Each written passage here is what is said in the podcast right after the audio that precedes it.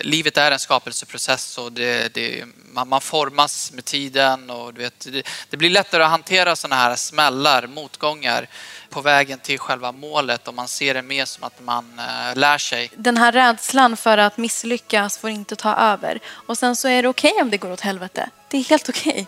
Det handlar bara om att omvandla den till en success story. Det gäller i allt i livet.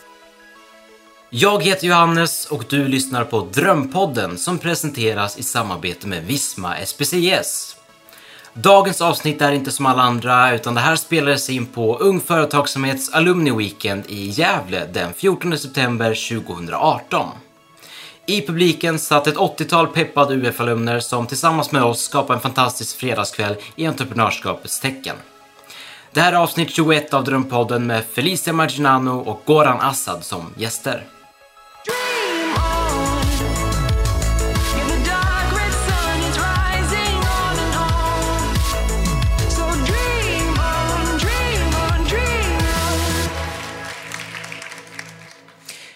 Nu har jag glädjen att presentera två av kvällens gäster. Eh, de enda gästerna också, men eh, väldigt bra gäster som eh, själva är unga entreprenörer, framförallt inom socialt entreprenörskap. Och det här är ett par som träffade varandra för bara åtta månader sedan, men de har redan funnit varandra och bestämt sig för att förändra världen. Där är de. Spoiler alert. Här har vi Felicia och Goran. Hej på er! Hej. Nu har jag skrivit en sån här fin presentationstext så jag tänkte eh, presentera er närmre för publiken. Eh, vi har 25-åriga Felicia här och eh, hon titulerar sig som social entreprenör, föreläsare och fotograf. Du startade bland annat eget som 17-åring och det var en... Du jobbade som frilansfotograf med målet att utmana branschen och skönhetsnormerna som finns. Du har även startat organisationen OSNAP som är inom samma tema. Och eh, du utsågs till en av Sveriges 101 supertalanger av Veckans Affärer 2017. Ja. En applåd för det.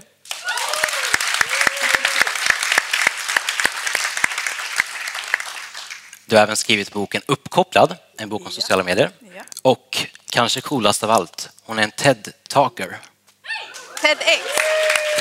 TEDx-talker. TEDx. Ja, det var du, bara så att du vet. Jag berättade det här. Ja. Och Goran, hej. Hej. Du är 34 år. Jag ser ut som 22, men tack. Ja.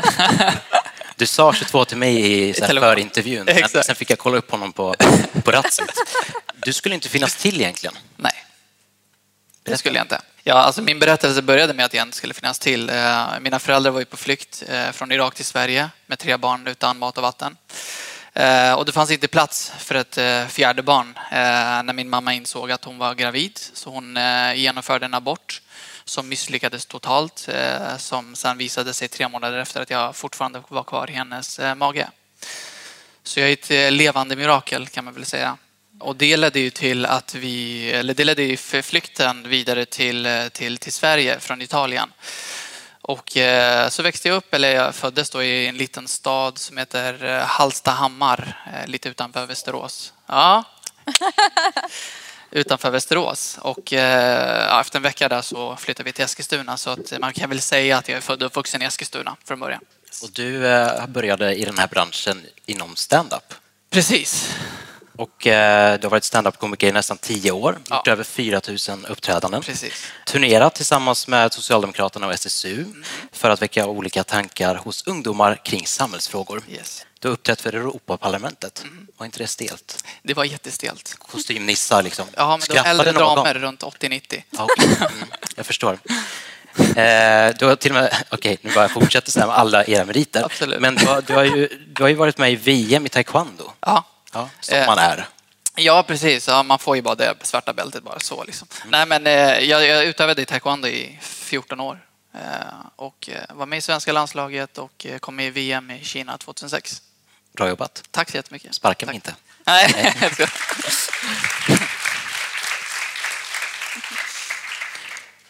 och nu senast är du författare, men nu ska jag prata om er gemensamma resa. Eh, yes. För ni har ju slagit er ihop för att eh, förändra världen.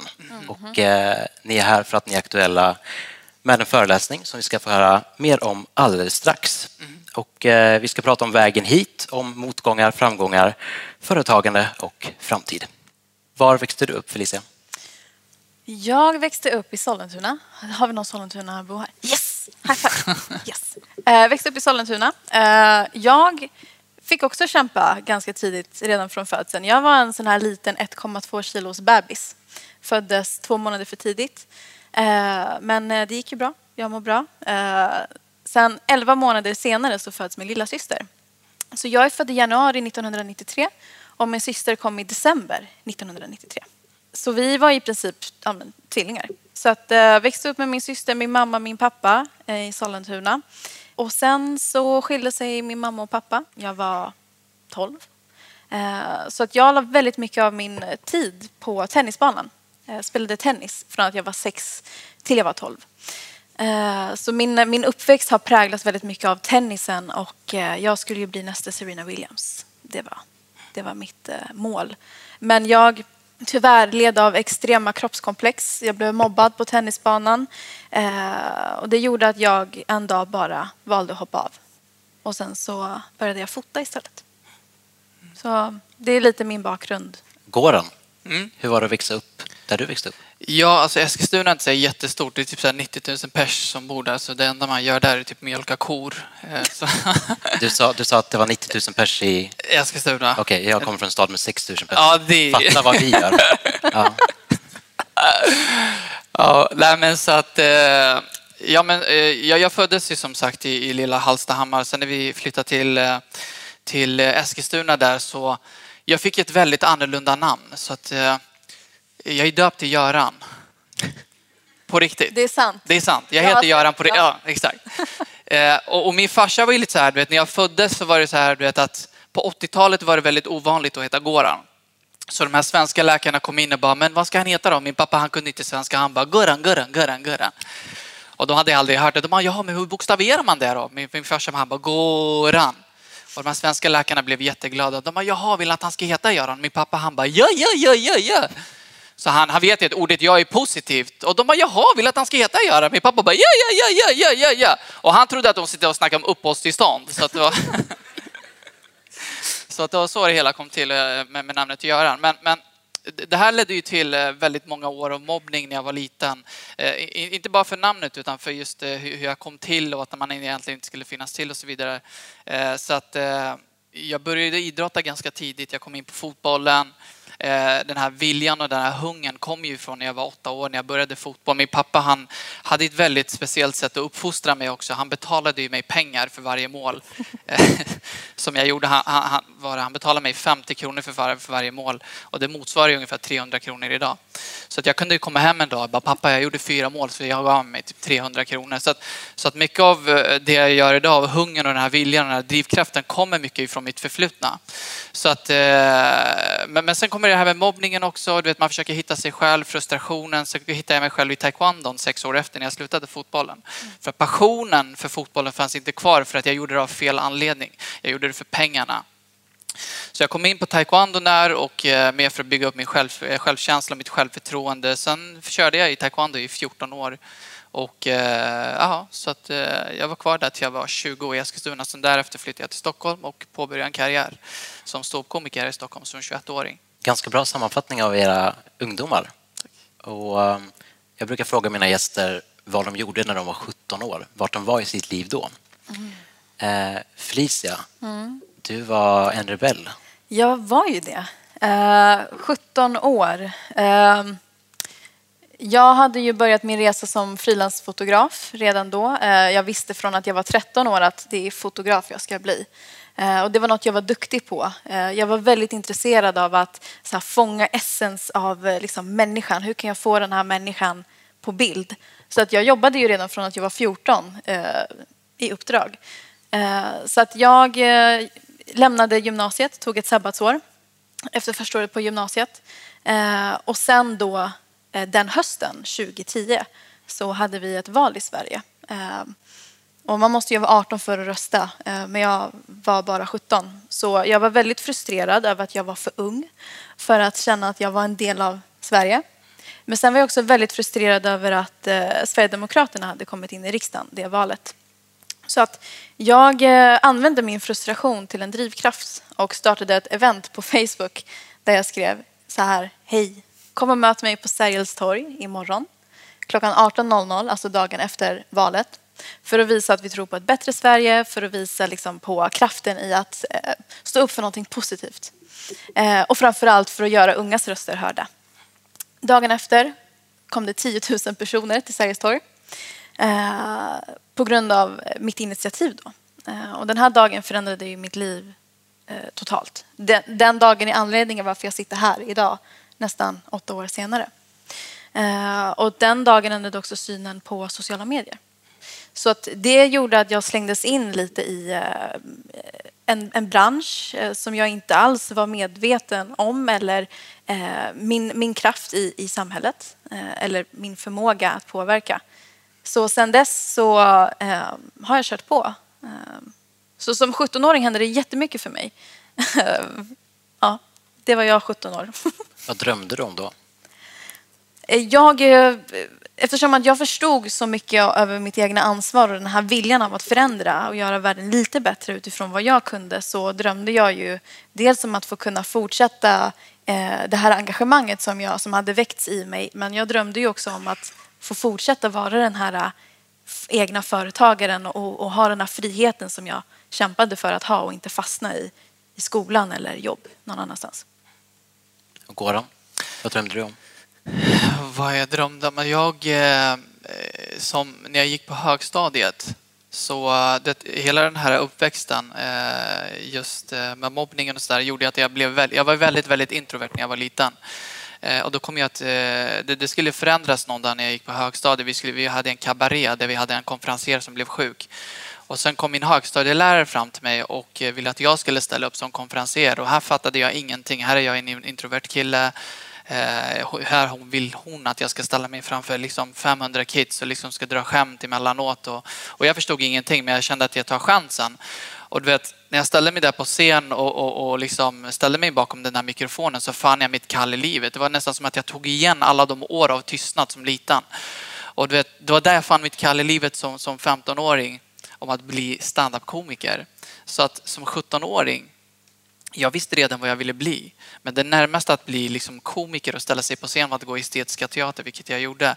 Eh, men jag kände mig så jävla fängslad för att jag ville liksom påbörja den banan. Men i den här moralen av att gå ut studenten och, och liksom gå hela vägen. Jag fick ju göra det, men sen så fort jag tog studenten så var det att påbörja den resan direkt. Så fort jag flyttade till Stockholm. Så som 17-åring så, så gick jag bara i skolan för, för att jag gick i skolan.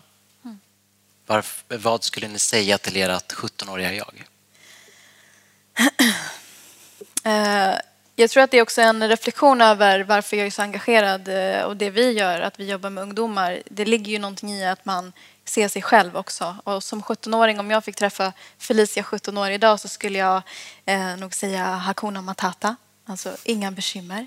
Och sen också att inte känna att du är det du gör det du gör definierar inte vem du är. Det är en stor skillnad. Ehm, så det skulle jag säga. Jag skulle nog säga att ehm, för att ta reda på vem du är så måste du ta reda på vem du var. För att eh, när vi, hamnas, när vi oftast hamnar i situationer så tror jag att de här situationerna vi hamnar i definierar den vi är och så vidare. Så vidare. Vi är exakt de vi vill att vi ska vara själva. Så att eh, jag fick göra liksom en eh, en, en återkoppling. Jag fick gå tillbaka till mitt förflutna och ta reda på vem jag är. Man, man kommer ju till en punkt i sitt liv där man känner sig väldigt lost. Man vet inte varför man gör det man gör, man vet inte vem man är. Så att man får väldigt mycket information av vem man verkligen är om man går tillbaka och ser vem man var. Så att eh, det skulle jag säga till min, eh, till min 17-åriga jag. Och det har ju gått eh, en tid sedan de här åren. Mm. Jag menar inte att du var gammal. Hur kom du in på det här med entreprenörskap och företagande? Jag skulle nog säga att eh, just av den här medvetenheten av att man vet att man kan göra mer för eh, någon annan än sig själv. Jag menar, jag har ju gjort alla jobb i världen känner jag och jag har gjort över 4000 uppträdanden och uppträtt med alla möjliga kändisar i Sverige och så vidare. Och jag kände så här att den enda frågan som jag fick som, som verkligen satt fast kvar på skolan när jag var och uppträdde på på olika skolor runt om i landet. Det var jättemånga ungdomar som kom fram till mig och bara hur fan vågar du göra det där? Det var jättemånga som bara undrade liksom hur man kan ställa sig på scen och bara vara så avslappnad vara så, och bara prata med publik. Och jag kände att människor har svårt att ställa sig inför folk och tala.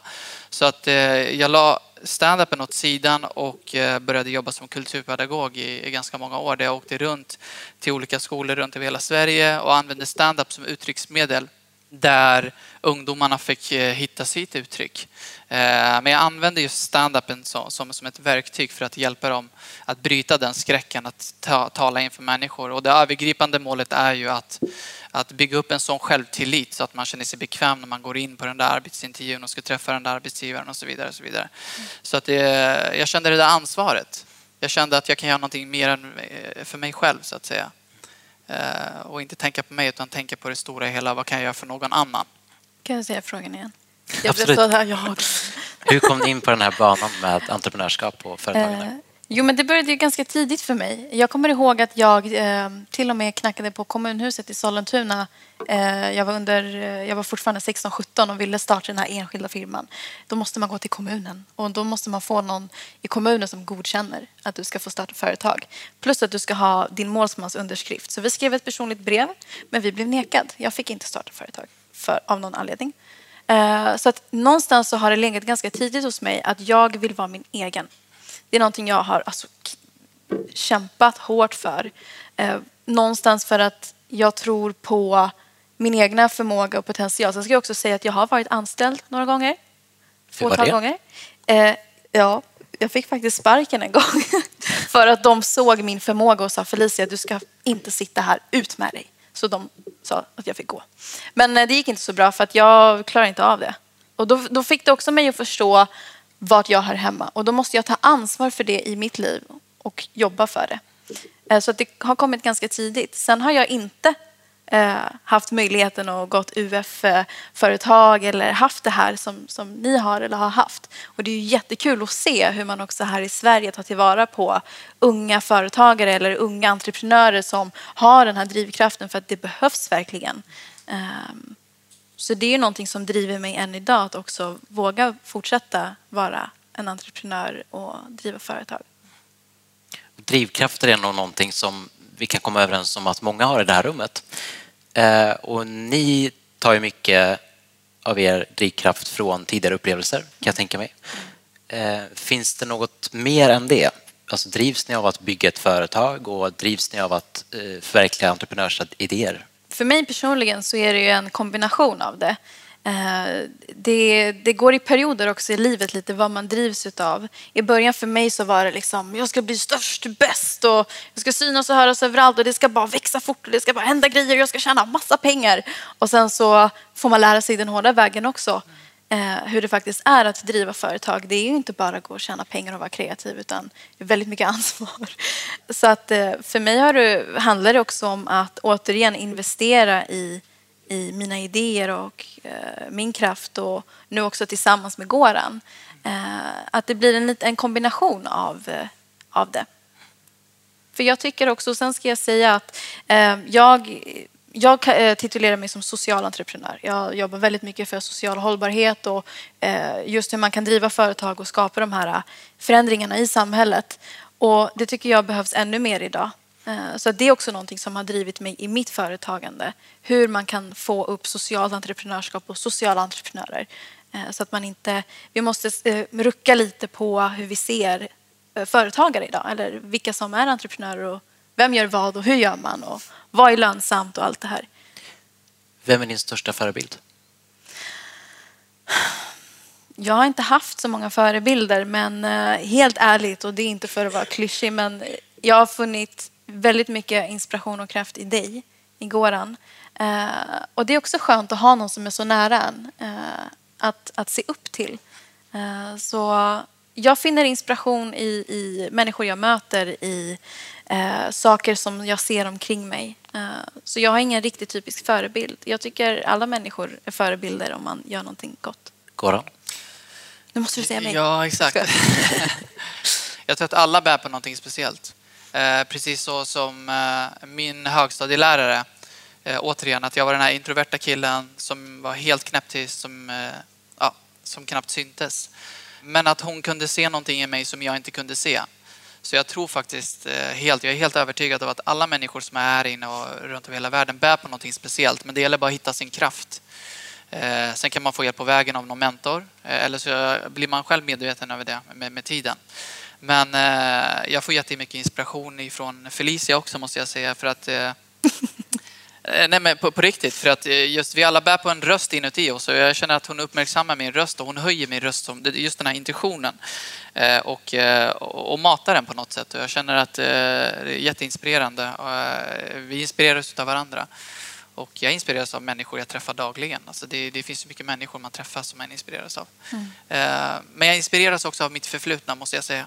Jag tror att folk som sitter här inne vet att det krävs ganska mycket guts att eh, starta ett företag. Och eh, det är inte alla som kanske vågar det och snarare tvekar på sin möjlighet att starta ett företag för att det kanske är tryggare att gå in i en anställning eller så. Mm. Varför tror ni att ni inte har valt att vara anställda? Alltså, varför har ni valt det här entreprenörskapet? Jag, jag kan ju säga jag kan säga så här att när, när jag flyttade till Stockholm eh, så påbörjade jag, jag påbörjade inte karriären som komiker det första jag gjorde när jag var, när jag var 20. Jag jobbade som säljare, trappade mig upp och jobbade som säljchef och hade ett jättestort ansvar. Fast, fast lön, fast månadslön, fast anställning, trygghet. Allt var perfekt. Vad sålde du? Bilförsäkringar sålde jag i tre månader. Men jag var så jag var så ambitiös och jag jobbade hårt och jag blev chef efter typ sex månader. Och mina kollegor, jag var ju typ 20, mina kollegor var typ 45-50. Så att eh, jag kände att när, när, jag gjorde det i två, två år så, så, så, så var, var, det fortfarande en brinnande passion jag hade just för, för komedin och få stå på scen som jag, som jag fann i högstadiet. Så hur går man då från att känna det och ha den här trygga platsen? Och jag bestämde mig för att bryta den en dag och bara, vet du vad? för att öppna den där dörren så måste jag våga lämna den dörren. Det handlar om att utmana sin rädsla. Eh, och, och, verkligen gå in i det här uh, unknown, det här okända. Och, eh, och det gäller att ta ett medvetet eh, beslut, även om det känns helt obegripligt vid den stunden. Men att veta att bara ha den här tron att det kommer att gå så länge man går i den vägen. Så eh, jag slutade det jobbet, så upp min inkomst, min lön, allt, hela den här trygga vardagen jag hade. Sex månader efter så livnära mig som komiker i typ nio år. Så det gäller att ta det där steget och inte, inte låta sig hållas tillbaka av rädsla. Utan rädslan är mer en, en, en kommunikation man har med sig själv och man är medveten över den och bjuder in den. Mm. Och allt det här har lett till att ni är framgångsrika entreprenörer. Mm. Vad har ni stött på för motgångar på vägen hit? Uh, alltså motgångar är ju en del av resan. Uh, jag gillar att se det som utmaningar, lärdomar. Annars blir man knäpp. Eh, men det, det, är ju allt från det externa till det interna. Alltså ens egna beteende och tankar och rädslor som kommer upp. Eh, saker på vägen som kanske får en i en annan riktning. Eller liksom man, eh, jag tror att har man inställningen till att det här är en del av processen, det här är en del av mitt företagande eller en del av min entreprenöriella resa så blir det mycket lättare och mycket roligare.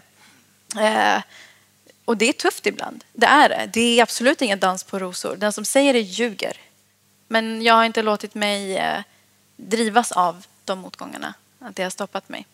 Ja, jag håller med Felicia. Alltså just eh, ordet motgångar för mig, det, det, det existerar inte. Jag skulle bli, hellre byta ut motgångar mot kanske kunskap. Eh, mm.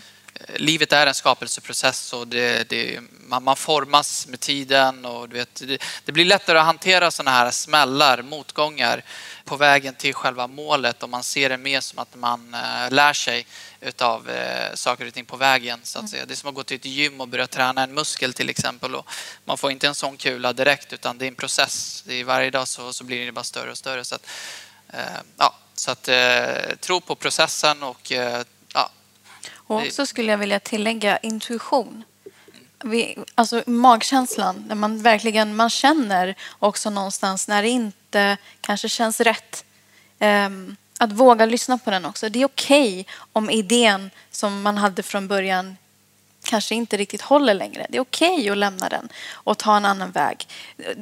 Liksom, den här rädslan för att misslyckas får inte ta över. Och sen så är det okej om det går åt helvete. Det är helt okej. Det handlar bara om att omvandla den till en success story. Det gäller i allt i livet.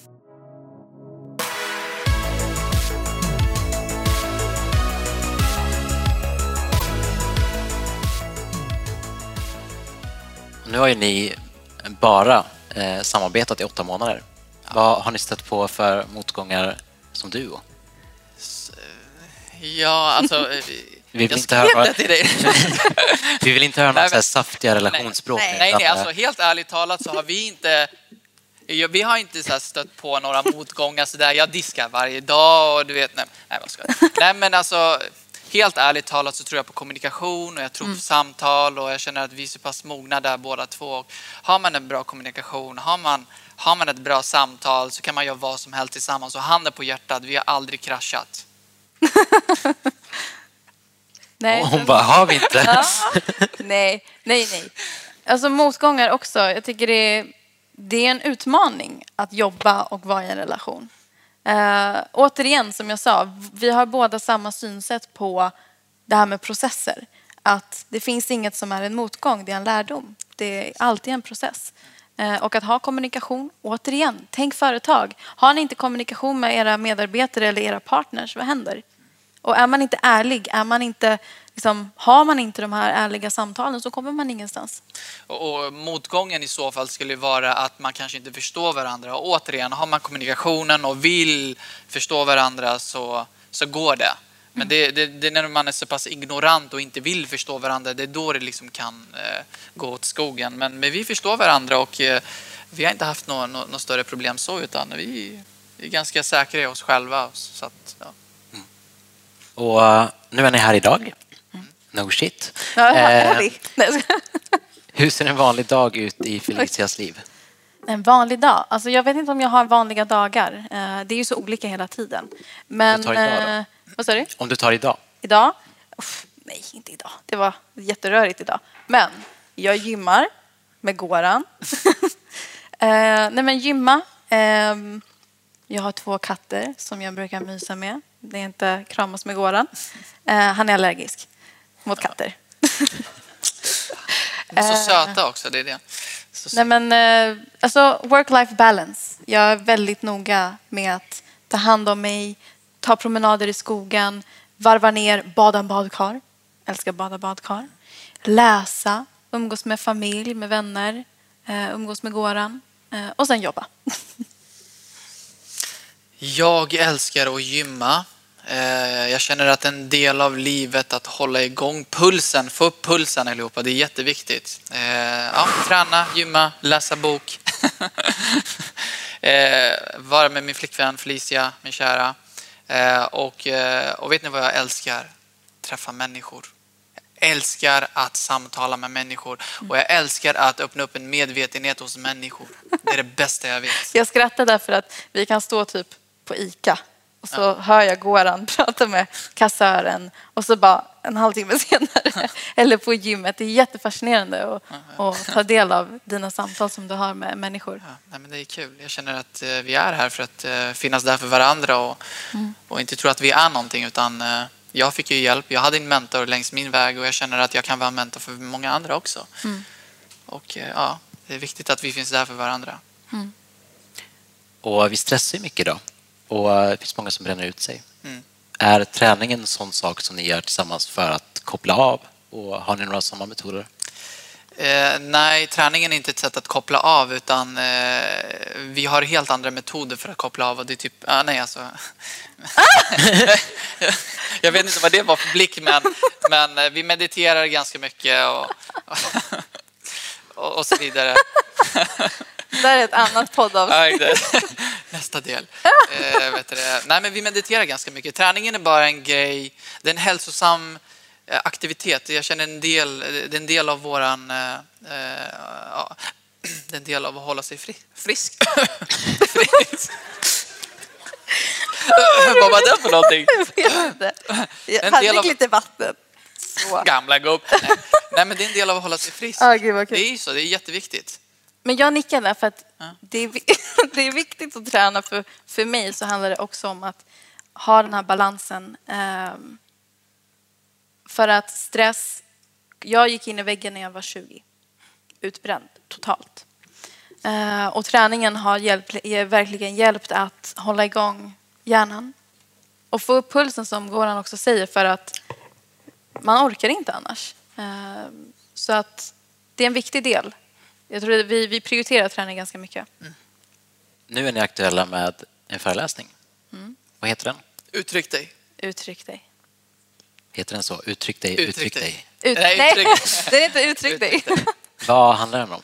Det, det handlar om, alltså det är en föreläsning som vi har tagit fram som handlar om att stärka ungdomarnas självförtroende och självkänsla eh, genom våra egna livsberättelser där vi navigerar ungdomarna och försöker öppna upp en medvetenhet så de riktar uppmärksamheten inåt och ställer sig själv frågan vem är jag? Precis. Eh, Vi har ju jobbat med ungdomar på våra egna håll de senaste åren innan vi träffades. Och när vi träffade, eh, träffade varandra så förstod vi att vår gemensamma grund också är engagemanget för ungdomar. Eh, Så det var nästan en självklarhet att vi skulle göra någonting ihop jobbmässigt. Eh, och eh, Goran har ju mikrofonen som sitt verktyg och jag har, har ju haft min kamera. Så det, det blir vår gemensamma eh, satsning nu framöver på vad vi kan göra eh, för, för Sveriges ungdomar. Och eh, det är roligt också. Du vet, föreläsningsyrket och liksom, du vet ju också Johannes, det är väldigt ensamt. Man reser själv, man, man jobbar själv. Eh, att det är en rolig grej också att, eh, att göra det tillsammans. Ehm, men det handlar om egentligen, som Goran säger, att navigera, öppna upp, skapa nya tankar, nya perspektiv eh, och också använda våra erfarenheter och kunskaper i en ny form som inte har gjorts förut. Vad har ni fått för reaktioner hittills? Väldigt positiva, men vi sitter ju här också eh, med Ja. dig eh, och med er. Men väldigt positivt. Just det här att, eh, att man gör det tillsammans med någon. Att vi är väldigt ärliga eh, i våra, våra, vår föreläsning, i det vi berättar, i det vi delar med oss. Och det bästa är, det bästa kvittot, det är när det kommer fram ungdomar efteråt och vill kramas och tacka och säga att de känner sig sedda och hörda på riktigt. Och då är vi där i kanske en timme. Så att vi känner ju att vi har någonting som, som eh, är viktigt. Eh, Och responsen vi får blir ju tio gånger tillbaka av det vi ger. Så det är bara positivitet och kärlek och uppmuntran eh, i det vi har gjort hittills. Och det var ju som vi pratade om innan också, just att eh, kopplingen vi har till dem vi, vi träffar. Det finns en, en speciell eh, autenticitet som, som jag och Felicia har när vi är ute och träffar folk så känner de verkligen att vi verkligen har ett genuint intresse av att träffa de här ungdomarna och prata med dem. Och, du vet, det är så mycket eh, politiker och massa andra föreläsare som är ute och träffar ungdomar som är där för att prata till dem. Man, man känner ingen genuinitet. Och jag tror att eh, vi känner av det för- hos ungdomarna, att de känner att vi är där genuint för att finnas där för dem. Så att reaktionerna har varit fantastiska. Allt ifrån kramar och du vet, de går in och till sociala medier och skriver till oss. Och, ja, det, det, det känns fantastiskt. fika och prata Ja. idéer. Och det är jättekul. Är ni nöjda med där ni står idag? Jag är inte nöjd. För att, Du har inte gjort så mycket med ditt Nej, liv, nej. Skärpa dig. Nej, men jag tror att eh, det är så överskattat att vara nöjd. Jag känner att vi är inte här för att vara nöjda. Vi är här hela tiden för att kämpa och att fortsätta gå framåt. Så kan man ju absolut vara stolt över det man har gjort. Men jag tror att inte falla in i den där gropen och känna att nu är jag nöjd. Nej, fortsätt vara hungrig, fortsätt förändra världen. Fortsätt och konstant kämpa för det du tror på. Precis som demokratin också, att fortsätta bibehålla den, fortsätt kämpa för den. Ja, jag håller med Goran. Jag skulle inte säga att jag är nöjd, men jag är stolt över den jag är, det jag har gjort. Eh, Men att vara nöjd kan ganska lätt bli en lathet också. Eh, Men jag är stolt och jag, jag har blivit mycket bättre på att ge mig själv en klapp på axeln och säga liksom, bra jobbat Felicia. Eh, Så att, ja. Vad drömmer ni om idag då? Vad jag drömmer om? Just, jag drömmer inte. Inte ens Nej. efter liksom en fet eh, burgare på... Nej, nej, nej. nej, nej, nej, nej, jag drömmer. nej, men jag, ska. nej men jag, jag drömmer aldrig. Jag, jag, jag känner att om jag har passion för någonting så, tar jag, så agerar jag. Eh, Jag, tror att, jag, jag gillar att byta ut ord, har du märkt det? nej, men så, så, eh, ingenting jag drömmer om, utan jag tror att jag är där jag behöver vara just nu. Sen om jag finner en helt annan passion imorgon så, så, så får jag väl drömma om det, men då agerar jag. Det är ju mer mål. Du ser det Ja, som precis. mål. Mål, agera, precis. Drömmar låter ganska långt bort ibland. Ja. Kan vara, eh, Exakt. Eh, drö- eh, Använder man ordet dröm så tror jag att människor aldrig uppfyller sina drömmar för att de känner att det låter så långt ifrån en. Men byter man ut det mot mål eller agera eller passion, det, det blir närmare på något sätt. Och det Mer är lite konkret. psykologiskt. Ja, precis. precis, precis. Sen är det ju för mig har det varit viktigt att våga drömma stort. Eh, men återigen så handlar det väldigt snabbt för mig om att omvandla drömmar till aktion. Så som jag omvandlar mina känslor till aktion. Ehm, men jag tror att liksom en önskan snarare, något som driver mig, något som får mig att liksom, där borta har jag det där målet. Och det är ju både personliga mål i livet, jag menar jag är 25, någon gång, min största dröm om vi ska prata drömmar, det är ju faktiskt att bli mamma. Det är min största dröm. Så det, det är det som driver mig. Men också drömmen om att fortsätta förändra samhället och träffa ungdomar och fortsätta vara, eh, bli en bättre Felicia hela tiden. Min dröm är också att bli pappa. Ska jag säga dröm? Ska, ska, ska jag säga min dröm är att bli pappa? Eller ska jag säga ska jag agera? Eller vad? Vad, vad?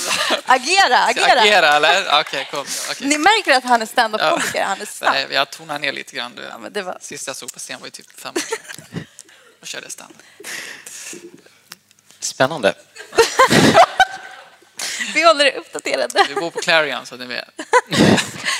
Om nio månader så får ni se en eh, Insta-bild. Nu lugnar vi oss. Ja. Men ni ser, drömmar är viktiga. Ni ser hur det bara livar upp en. Det är viktigt att, att, att våga ha lite galna visioner. Och, herregud, vem ska säga vem vad som är rätt och vad som är fel? Eh, Det är så tråkigt då. Livet blir tråkigt, tycker jag. Vi ska öppna upp för någonting som man inte kan göra i eh, ett eh, digitalt format. Vi ska faktiskt ställa frågor till er från publiken. Ja, Är det någon som är taggad på det? ja. Han var snabb. Längst Oj, bak. där. Tänkte bara på en sak där, där Goran sa att det här med att vara nöjd. Ja. Jag förstår själva tanken med att man alltid ska vidare. Men du tror inte att det kan vara en av orsakerna till det här med utbrändheten är så stor i ungdomar idag? Att det ständigt ligger en press på att aldrig vara nöjd och ständigt bli så mycket bättre. Jo, jag, jag, jag håller nog eh, med dig där. Jag, jag tror att eh, det, det är viktigt att man är medveten över vart man är. Men jag tror att det jag predikar kan ha mycket att göra med mitt förflutna. Du vet det här med min farsa, du vet att han... Du vet, jag har aldrig fått höra något bra från honom om att jag gör någonting bra. Du vet, eh, de, här pengarna jag fick, de här 50 kronorna för varje mål, det var ju min bekräftelse. Men han sa aldrig att jag gjorde någonting bra. Jag kunde göra fyra mål på en match. Eh, jag var den mest hyllade fotbollsspelaren i Eskilstuna och, och, och talangfull. Men eh, andra kunde säga det. Men till idag, till idag, så har min pappa aldrig sagt någonting bra till mig. Alltså han har aldrig sagt bra jobbat min son. Han går och säger det till sina kollegor och säljer tidningar och mina böcker till hans kollegor. Han bara kolla min son, kolla min son. Du vet. Men han säger det aldrig till mig. Så jag, jag tror att, jag, jag förstår exakt vad du menar men jag tror att eh, den eh, strävan och den hungern jag har kommer ifrån att jag aldrig, jag vet aldrig vad nöjd är. Förstår du vad jag menar? Det, så jag tror det är det. Men tack för frågan, vad viktigt. Har vi någon mer? Alltså, du sa att du kan liksom ha många saker att göra, liksom gymma, umgås med familjen, göra många saker. Men hur hinner du? Alltså, hur ordnar ni era liv? Jättebra fråga. För mig, om ni ser min mobil och går in i min kalender så skriver jag när jag tvättar, när jag ska gå till min mamma. Och det här handlar om att ha struktur.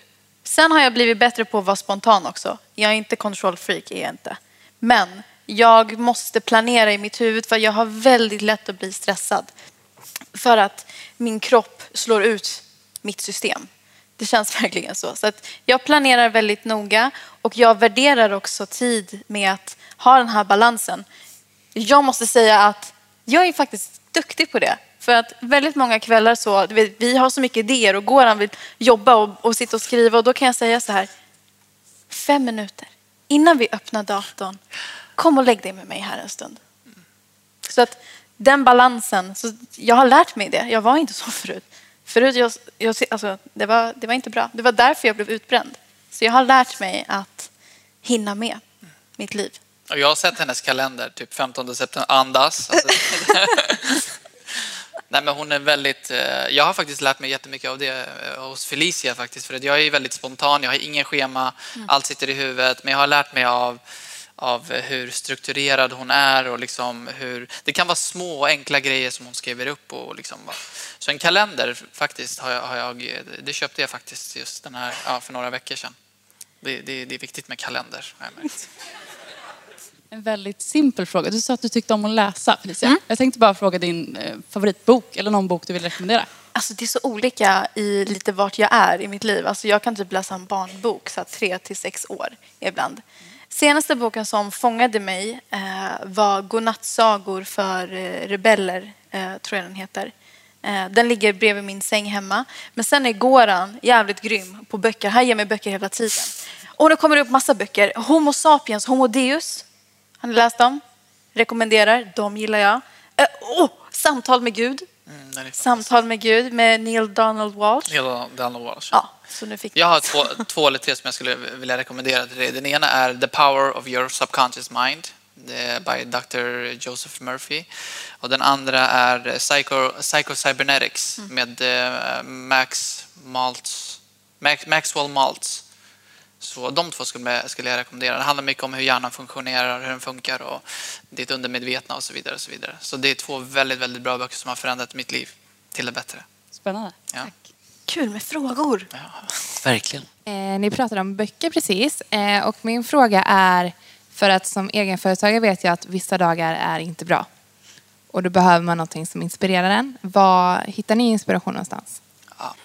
Jag hittade inspiration i min tystnad. Handen på hjärtat. Det finns så mycket du kan lära dig från din tystnad. Vi är så distraherade av saker och ting runt omkring oss. Det kan vara allt ifrån det här glaset. Ser du den hemma så blir du distraherad för att du tänker på glaset. Bara att sluta in i dig själv, rikta in uppmärksamheten inåt. Det finns en sån röst inuti dig själv, jag lovar dig.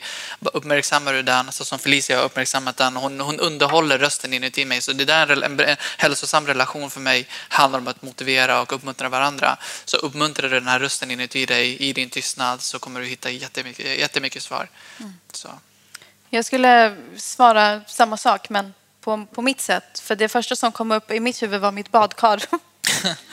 Återigen den här stänga av lite. eh, och gå in i sig själv och höra den här rösten klart och tydligt. eh, så att man nästa dag får den här orken. Och sen också men det är kul. Det är kul när man börjar öppna upp sin, sina sinnen och vågar se. Ibland när jag går på, på, går på gatan så brukar jag medvetet också tänka att jag ska se och känna mig här nu när jag går och kan få ett lugn i det även om jag är jättestressad och har så mycket grejer att göra. Att jag har lärt mig att vara här och nu också. Eh, inspiration kan man få i allt. Det är det som är så kul. Verkligen. Eh, det är något man måste underhålla också. Ja. Eh, att, hålla, att känna sig inspirerad och, och finna det där. Våga vara själv. Eh, Men människor är så beroende av andra idag. Du vet. Jag kan gå på bio ensam till exempel. Folk bara, va? Går du på bio själv? Jag bara, ja. Oh my god, jag är inte ensam om det. Eller hur? Nej. Nej. men man får så konstiga reaktioner från människor när man gör udda grejer. Liksom. Så, så gör saker och ting som är annorlunda. Har vi en sista fråga där ute? Känner ni att ni har hittat någon vana som ni har som antingen gör er mer produktiva eller kanske bara rent av till bättre människor? Till exempel att hjälpa någon människa varje dag, göra någonting gott för någon annan. Det kan vara ett, exempel på en vana bara. Har ni någon sån vana som ni profilerar er själva med? Vana, det är ett intressant ord. Jag tror inte att jag upplever att jag har vanor eh, utan i den jag är och alltid har varit har varit att vilja ge och hjälpa. Det är liksom en del av den jag är och hur jag funkar. Eh, vana för mig är nog mer nu att handla om att återigen effektivisera min tid och energi så att jag kan vara den personen där ute. Eh, så, att jag, så skulle jag svara på frågan. Du var inne på någonting viktigt där. Alltså det finns en universell lag som säger att eh, göra någonting bra för någon annan så känner man per automatik sig bättre. Alltså man känner... Eh, sig bättre om sig själv på något konstigt sätt. Jag, för mig handlar det inte om att ge någonting, du vet, pengar eller whatever. Det, det, det kan vara råd, det kan vara ett leende. Och, och just reaktionen man får ifrån andra människor när, man, när de märker att man ger av sig själv eh, är eh, obeskrivligt. För, för, att jag känner djupt i, i mig själv, alltså på riktigt, att vi är här för att dela med oss till andra människor. Och eh, det är så lätt att sätta sig själv i offerposition när man har varit med om någonting. Man sätter sig på det där kaféet med sin polare och berättar om samma grej man har varit med om i fyra år. Så att det finns så mycket vi kan göra av saker och ting vi har varit med om. Vi kan se det mer så, som, eh, som ett verktyg för att hjälpa någon annan som går igenom samma sak och så vidare. Så att eh, vi är här för att hjälpa andra. Sen, eh, sen om det är genom ett leende Eh, eller att bara liksom säga hej eller bjuda in någon till något samtal. Ni, ni, jag vill att ni ska förstå en sak, att när min lärare kom fram och frågade mig om jag ville vara konferenser, jag kunde inte förstå vad hon såg i mig. Så det handlar om att ha den här medvetenheten, att kunna se, alltså se någon på riktigt. Vi, vi är inte blinda, vi kan se när någon kanske mår dåligt. Och då kanske vi, vi kan lysa upp den här personens dag och tända den där gnistan genom ett leende eller bara Hej, hur mår du? Är det bra? Och så vidare. Ta det där initiativet. Så att svara på din fråga, mina rutiner är att försöka få någon att må bra varje dag. Har vi någon mer? Ni låter ju som precis många andra, andra entreprenörer som vill mycket och det är så mycket, jag kan tänka mig själv, alltså att ni har en lista på det, men det här och här och här vill jag göra. Man hör ju på er, det är så roligt. Men, eh, för jag kan känna den frustrationen ibland att det är så mycket man vill göra, men hur gör man den prioriteringen av vad man ska bestämma sig för, det här ska jag göra nu? En sak i taget. när, jag, när jag skriver min bok, eh, som faktiskt blir utgiven nästa år. Jag skrev på ett avtal i, i år. Tack. Eh, jag var ute och jobbade som kulturpedagog eh, fram till 2013, nej, från 2013 till 2015. 2015 bestämde jag mig medvetet. Alltså jag, hade, jag har ju långsiktiga mål. Så att jag tänkte redan 2013 att 2015 ska jag skriva i min bok. Så att det är jätteviktigt att eh, försöka tänka, ja men ser man fem duvor framför sig till exempel. För ska man försöka ta alla fem duvor samtidigt så kommer alla flyga iväg.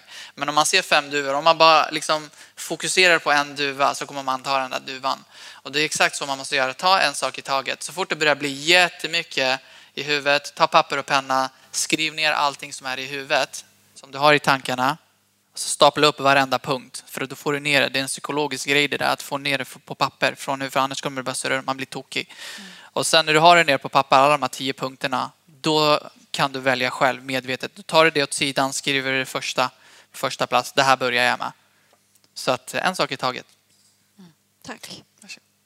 Får jag bara fråga då, hur bestämmer man vad man ska ta först? Alltså, vad är viktigast? Eh, vad man känner att människor behöver. Får jag tillägga? Intuition. Och att eh, tänker man på en sak flera gånger så är det viktigt för en. Lite så. Kommer det upp samma sak igen så är det din kropp och sinne som talar om för dig det här är viktigt. Eh, jag har lärt mig faktiskt med Goran, för att jag är så här. Alltså ni, om ni bara såg hur jag håller på. Eh, vi liksom att sätta sig ner, precis som du sa, Goran har hjälpt mig att strukturera upp mina tankar så att jag själv kan få ge mig möjligheten att förstå vad jag behöver göra här och nu. Och också våga be om hjälp. Våga be om hjälp. Du behöver inte göra allt själv. Det går inte. Det går inte. Det är en lärdom. Den lärdomen fick jag ta hårt nu som 25 år. Och att våga också eh, men återigen det här, nu kanske man kommer inte på det här med misslyckanden, men eh, att våga välja en sak och göra den ordentlig. För annars gör man bara sig själv en otjänst. Och mm. våga be om hjälp. Våga vara ärlig och säga, jag klarar inte av det här. Kan du hjälpa mig? Så blir det mycket lättare eh, också. Eh, jo, jag tänker, har ni någon strategi för att skilja på privatliv och jobb eftersom ni gör båda delarna tillsammans? Strategi har, kanske vi inte har. Nej, jag tror inte vi har någon strategi utan jag tror att vi, eh, vi, vi har så lätt att bara, bara kan, nu kan vi göra det här, nu kan vi lägga jobbet åt sidan. Mm. Så jag tror att vi har våra... Ja. Nej, vi kan vara väldigt spontana där. Vi har inga, ingen strategi. Nej, jag tror också det kommer med mycket erfarenhet av att eh, förstå den här balansen. Eh, som det här till exempel med att nu tar vi fem minuter innan vi börjar med nästa grej. Vi är jätteduktiga på att hylla varandra och high-fivea och när någon annan har, den andra har gjort någonting bra så tar vi oss stunden också. Vi brukar säga ska vi gå ut och fira? Det kan vara att ta en glass, gå på bio, eh, dricka piña colada, eh, gå ut och ta en drink. Eh, så att man inte glömmer det för att det är jättelätt att man eh, bara vill jobba, jobba, jobba. jobba. Jag måste bara lägga till där, eh, jätteviktigt att hylla, du sa någonting väldigt viktigt, att hylla er själva. Skäm bort er själva. Gör ni någonting bra under den här processen, gå och köp den där tårtbiten. Köp, nej men köp den där lilla prinsesstårtan, köp den till dig själv för att du gjorde ett fantastiskt jobb idag. Under liksom processen till ditt mål. Det där är jätteviktigt. Jag kan köpa en blomma till mig själv, det är jättekonstigt. Jag kan köpa en ros och bara, "Ja, bra jobbat. Har vi en sista fråga här? Eh, ni båda föreläser ju om ganska tunga ämnen och eh, erfarenheter som har varit jobbiga att gå igenom. Eh, om eh, ni skulle få ge ett tips till dem som kanske funderar på att själva börja föreläsa om erfarenheter. Eh, jag har själv planer på att börja, jag har sagt det nu i två år, att jag ska föreläsa om hur det var barn till en missbrukare. Men jag har så svårt att, för varje gång jag börjar prata om det så måste jag ju gräva i det. Ja. Hur gör ni för att, liksom, att, att inte gräva ner det för djupt och ändå kunna berätta det och förmedla det? För att det är viktigt att vi informerar och utbildar att man inte är ensam och allt det där. Men hur, hur tar man sig ifrån att liksom, det är så tungt? Ja, eh, jag skulle nog eh, ge dig tipset av att försöka kombinera in lite humor i det. Eh, för att det jag pratar om är typ, jag kan inte bara låta folk böla och sen bara hejdå. så att eh, jag försöker ju kombinera lite, lite humor, lite, lite dramaturgi för att få publiken att slappna av lite grann. Och det, det är det jag gör, eller gjorde när jag skrev boken också för att det är så tunga ämnen. Så, så jag tror på humor. Jag tror humor kan vara ett sätt att förmedla det du vill säga till en annan människa. Eh, om man blandar in lite humor. Om man inte gör det så kan det bli lite, lite, lite motstånd. Så att, eh, jag tror att du kan prata om det, absolut. Men försök att slänga in lite, lite roliga lines och, och sådär så att, så, så att man slappnar av. Sen skulle jag vilja säga eh, precis att du ska gräva djupare. Du ska fortsätta gräva djupare. För att när du pratar om det, när du delar med dig, då, får du, då ger du dig själv en chans att läka från det som har skadat dig. Eh, jag blir rörd när jag ser dig. Och det är precis det här. Det är precis det här. För att när man delar med sig, när man är ärlig, när man är autentisk, du vet att det handlar om att hjälpa andra. Det finns så mycket saker som har hänt. Men när man äger sin berättelse och kan stå där, du är starkare än någonsin.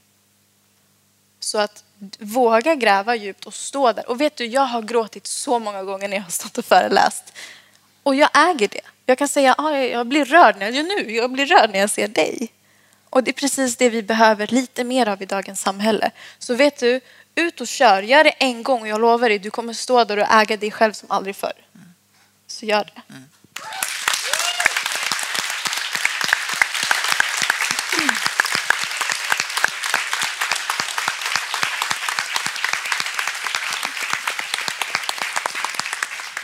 Jag kommer på din föreläsning i alla fall när du kör. Säg till så kommer du och hejar. Tack så jättemycket för bra frågor. Vi ska börja runda av. Om ni då ska koka ner hela det här avsnittet till ett enda tips. Det är, det är inte så svårt. Nej, Vad vill ni säga då? Till den som lyssnar. Eh, ett enda tips. Eh, autenticitet. Autenticitet och genuinitet är två jätteviktiga ord för mig. Eh, människor känner jag relaterar till eh, sånt som är sant, eh, sånt som är genuint eh, och sånt som är ärligt och äkta. Och är man sann mot sig själv så känner andra människor av det. Ett tips. Våga dela med dig. Våga sträcka upp handen och säga här är jag. Men våga också bjuda in. Och det här gäller i livet, i företagande, i entreprenörskap, i allt. Våga stand your ground. Och våga utmana. Våga, alltså säg ifrån. Alltså, kolla bara världen där ute. Nu sitter vi här och myser, men så fort vi går ut där så bär vi alla ett ansvar. Mer än någonsin. Ehm, och jag tror att vi här inne, liksom, den här generationen, vi har så jävla mycket kraft. Eh, det har vi alla människor. Men eh, våga lite mer. Och eh, som Goran sa, autenticitet, gemenskap, kärlek. Och sen eh, får jag bara tillägga en sista grej. Att du är exakt den personen som du säger att du är. Inte vad någon annan säger eller tycker om dig. Glöm aldrig bort det. Det viktigaste är vem du tycker att du är. Jag är inte seriemördare. Det är det. Oh, det. Felicia, Goran, vart hittar man er om man vill veta mer? Eh, Sociala medier. Eh, Ni kan hitta mig eh, på Instagram, goran.assad och på Facebook. Sen har vi vår gemensamma sida där på Uttryck dig. Och sen har ju du dina. Precis. Instagram, Facebook, söka på våra namn. Sen så har vi en gemensam Instagram också. Power Couple. Swedish Power Couple. Felicia Goran. Där kan ni också följa vår gemensamma resa. Eh, och så det händer massa grejer framöver. Så, och ni är jättevälkomna att höra av er om ni vill snacka eller whatever. Men sociala medier. Sharing is caring. Tack så mycket Felicia Marginano och eh, Goran Assad. Tack så jättemycket. Tack. Och tack! Tack. Tack.